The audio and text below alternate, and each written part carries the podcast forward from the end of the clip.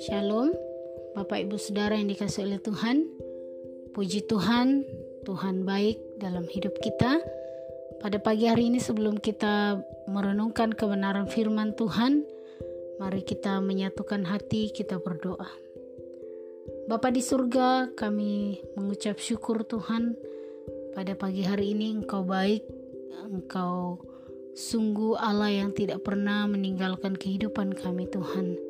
Kami mengucap syukur untuk setiap hal yang Tuhan izinkan kami alami, karena kami mempercayai bahwa Tuhan Engkau ada di sana, Engkau menyertai kami Tuhan.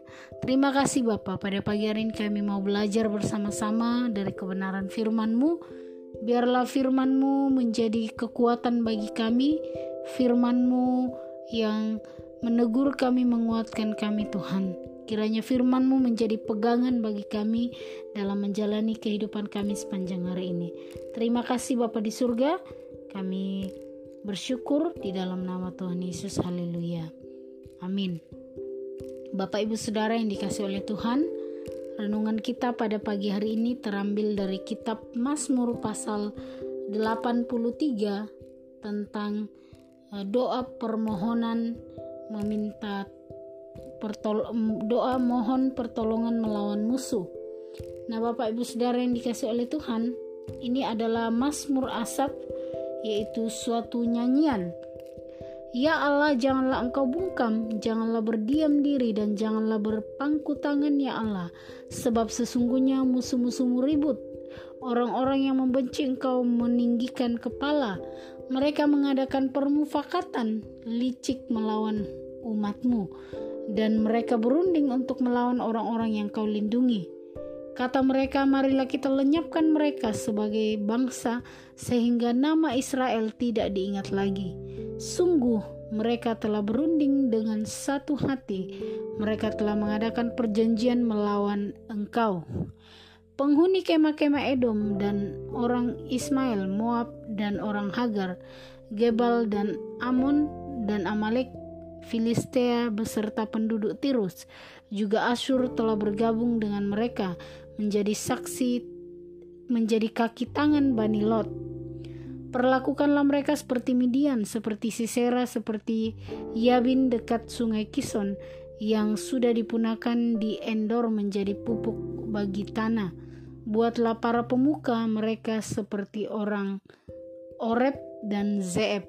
Nah Bapak Ibu Saudara yang dikasih oleh Tuhan, di dalam ayat 17 sampai ayat yang ke-19 penuhi muka mereka dengan kehinaan supaya mereka mencari namamu ya Tuhan.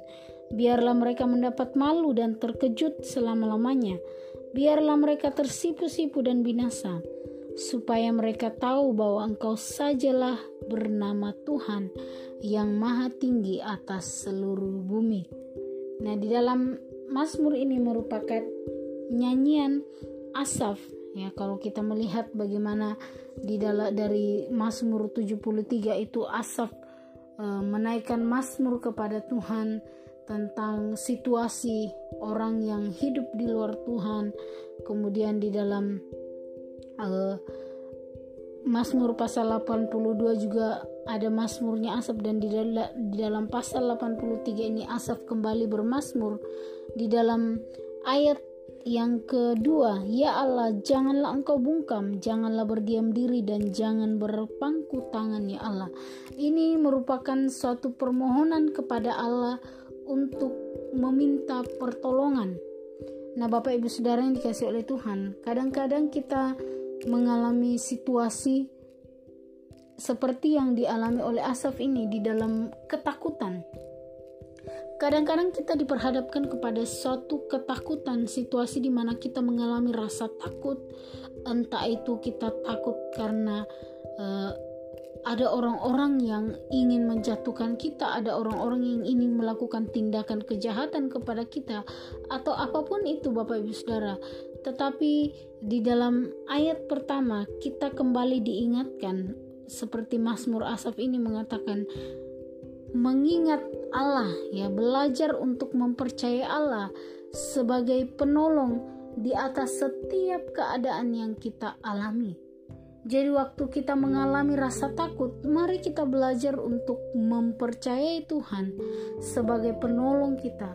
Waktu kita di dalam uh, kekhawatiran, mari kita belajar untuk mempercayai Allah sebagai penolong atas kekhawatiran yang kita alami. Ketika kita di dalam tekanan, mari kita mempercayai Allah sebagai penolong atas tekanan yang sedang kita alami. Di dalam situasi apa pun yang kita alami, Bapak Ibu Saudara, mari kita belajar untuk senantiasa mempercayai Tuhan di dalam kehidupan kita, Bapak Ibu. Kiranya Allah menjadi sumber pertolongan bagi kita. Kemudian di dalam uh, ayat yang ketiga sebab sesungguhnya ya di dalam ayat yang ketiga dikatakan bahwa sebab sesungguhnya musuh-musuhmu ribut orang-orang yang membenci engkau meninggikan kepala. Mereka mengadakan permufakatan licik melawan umatmu dan mereka berunding untuk melawan orang-orang yang kau lindungi Sungguh mereka telah berunding dengan suatu hati, dengan satu hati mereka telah mengadakan perjanjian melawan engkau. Nah, Bapak Ibu Saudara yang dikasih oleh Tuhan sampai ayat yang ke uh, juga ayat 9 juga Asyur telah bergabung dengan mereka menjadi kaki tangan Bani Lot. Nah, Bapak Ibu Saudara di dalam ayat 3 sampai ayat yang ke-9 di situ kita melihat bagaimana uh, ayat ini menceritakan atau mengungkapkan tentang uh, keadaan yang menghimpit Israel. Ya. Di sini Asaf sedang memberitahukan tentang keadaan yang sedang dialami oleh Israel. Nah, Bapak Ibu Saudara yang dikasih oleh Tuhan, dia mengatakan bahwa mereka telah berunding dengan satu hati kemudian penghuni kemah Edom dan orang Israel, orang Moab dan Agar dan lain sebagai Asur sudah bergabung dengan mereka menjadi kaki tangan Bani Lot dan lain sebagainya. Ini merupakan uh, pernyataan Asap tentang situasi keadaan yang sedang dialami oleh bangsa Israel. Nah, apa yang bisa kita pelajari di dalam ayat ini bahwa di dalam doa kita kepada Tuhan ketika kita sudah mempercayai Tuhan sebagai sumber penolong kita. Waktu kita berdoa, kita perlu memberitahu kepada Tuhan akan situasi yang sedang kita alami. Bukan karena Allah tidak tahu apa yang kita alami, bukan karena bukan berarti bahwa harus kita kasih tahu dulu sama Tuhan baru Tuhan tahu Allah adalah Allah yang berkuasa dia Allah yang maha tahu. Tapi perlu kita ungkapkan kepada Tuhan supaya apa Bapak Ibu Saudara? Hati kita lega ya. Waktu kita menceritakan kadang-kadang waktu kita mengalami tekanan kita ingin menceritakan kepada orang lain teman curhat kita Bapak Ibu Saudara. Tapi waktu kita menjadikan Tuhan sebagai tempat curhat adalah Tuhan adalah tempat curhat yang terbaik. Waktu kita berdoa kepada Tuhan, mari beritahukan kepada Tuhan apa yang sedang Bapak Ibu alami, kekecewaan kepada orang lain, sakit hati, rasa bahagia, apa pun yang kita alami, mari jadikan Tuhan sebagai tempat curhat kita yang pertama. Kemudian di dalam ayat yang ke-10 Perlakukanlah mereka seperti Midian, seperti Sisera, seperti Yabin dekat sungai Kison. Sampai ayat yang ke uh, 17-18 penuhilah muka mereka dengan kehinaan supaya mereka mencari namamu ya Tuhan. Biarlah mereka mendapat malu dan terkejut selama-lamanya. Biarlah mereka tersipu-sipu dan binasa. Ini di dalam ayat ini merupakan isi permohonan kepada Tuhan supaya uh, Tuhan melakukan pembalasan atas musuh-musuh Israel. Nah, kenapa Asap mengatakan hal ini kepada Tuhan? Karena dia mempercayai Allah akan membalas semua kejahatan musuh-musuh. Jadi Bapak Ibu Saudara, pembalasan itu adalah haknya Tuhan, ya Pembalasan itu adalah haknya Tuhan. Kadang-kadang waktu orang menyakiti kita, kita tergoda untuk membalas. Tetapi kiranya kita belajar bahwa membalas itu bukan hak saya. Mari kita belajar mengungkapkan kepada Tuhan dan membiarkan Tuhan yang melakukan pembalasan itu.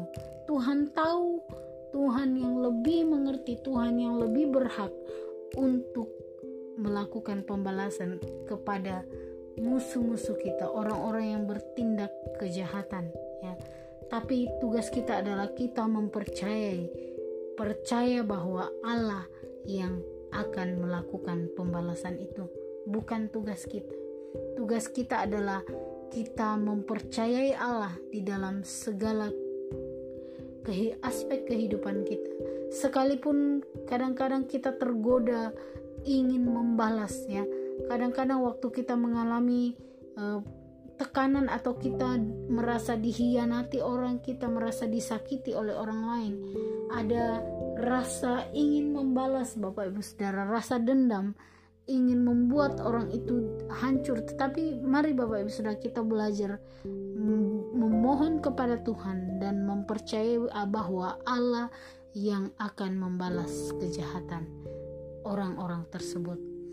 Kemudian di dalam ayat yang ke-19 supaya mereka tahu bahwa engkau sajalah yang bernama Tuhan yang maha tinggi atas seluruh bumi.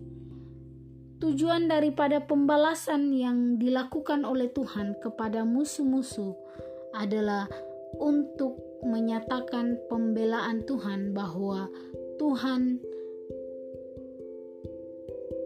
tujuan dari pembelaan Tuhan adalah bahwa orang-orang percaya itu mengenal Tuhan ya jadi Bapak Ibu Saudara yang dikasih oleh Tuhan di dalam ayat 19 jelas supaya mereka tahu bahwa engkau sajalah yang bernama Tuhan yang maha tinggi atas seluruh bumi. Jadi ini tujuan daripada pembelaan yang Tuhan lakukan yaitu supaya orang mengenal Tuhan Kadang-kadang orang melakukan tindakan kejahatan. Dia tidak tahu apa yang dia lakukan. Tetapi waktu Tuhan menyatakan pembelaannya kepada orang-orang percaya, orang yang hidup di dalam Tuhan, dari situlah orang itu akan mengenal bahwa ada Tuhan yang berkuasa. Bapak, ibu, saudara yang dikasih oleh Tuhan, Waktu kita mengalami tekanan dari orang lain, waktu kita mengalami kekecewaan, waktu kita mengalami sakit hati, mari datang kepada Allah, mempercayai Allah sebagai sumber pertolongan di dalam setiap keadaan yang kita alami. Kemudian, waktu kita mengalami tekanan tersebut, tempat pertama yang harus kita jadikan teman curhat kita adalah kepada Tuhan. Ungkapkan saja kepada Tuhan apa yang kita rasakan karena mempercayai bahwa di dalam situasi apa pun yang kita hadapi, Tuhan lebih mengerti. Kadang-kadang waktu kita menceritakan kepada orang lain, saat itu mereka mungkin mengerti, tetapi waktu kita berseberangan dengan orang itu berseberangan pendapat, orang itu akan justru menyerang kita kembali. Tapi waktu kita menceritakan kepada Tuhan, Dia Allah yang setia, Dia Allah yang penuh kasih, Dia Allah yang memahami keadaan kita dan mempercayai bahwa pembalasan itu adalah haknya Tuhan. Kita tidak berhak untuk membalas kejahatan dengan kejahatan, tetapi tugas kita adalah belajar mempercayai Tuhan, karena Tuhan yang akan melakukan pembalasan atas kejahatan musuh-musuh kita. Dan tujuan daripada pembalasan yang Tuhan lakukan adalah bukan untuk menjatuhkan, tetapi untuk supaya orang itu mengenal Tuhan lebih, melihat perbuatan Tuhan, bahwa ada Tuhan di dalam kehidupan orang percaya. Kiranya Bapak Ibu Saudara Tuhan Yesus memberkati kita. Mari kita berdoa.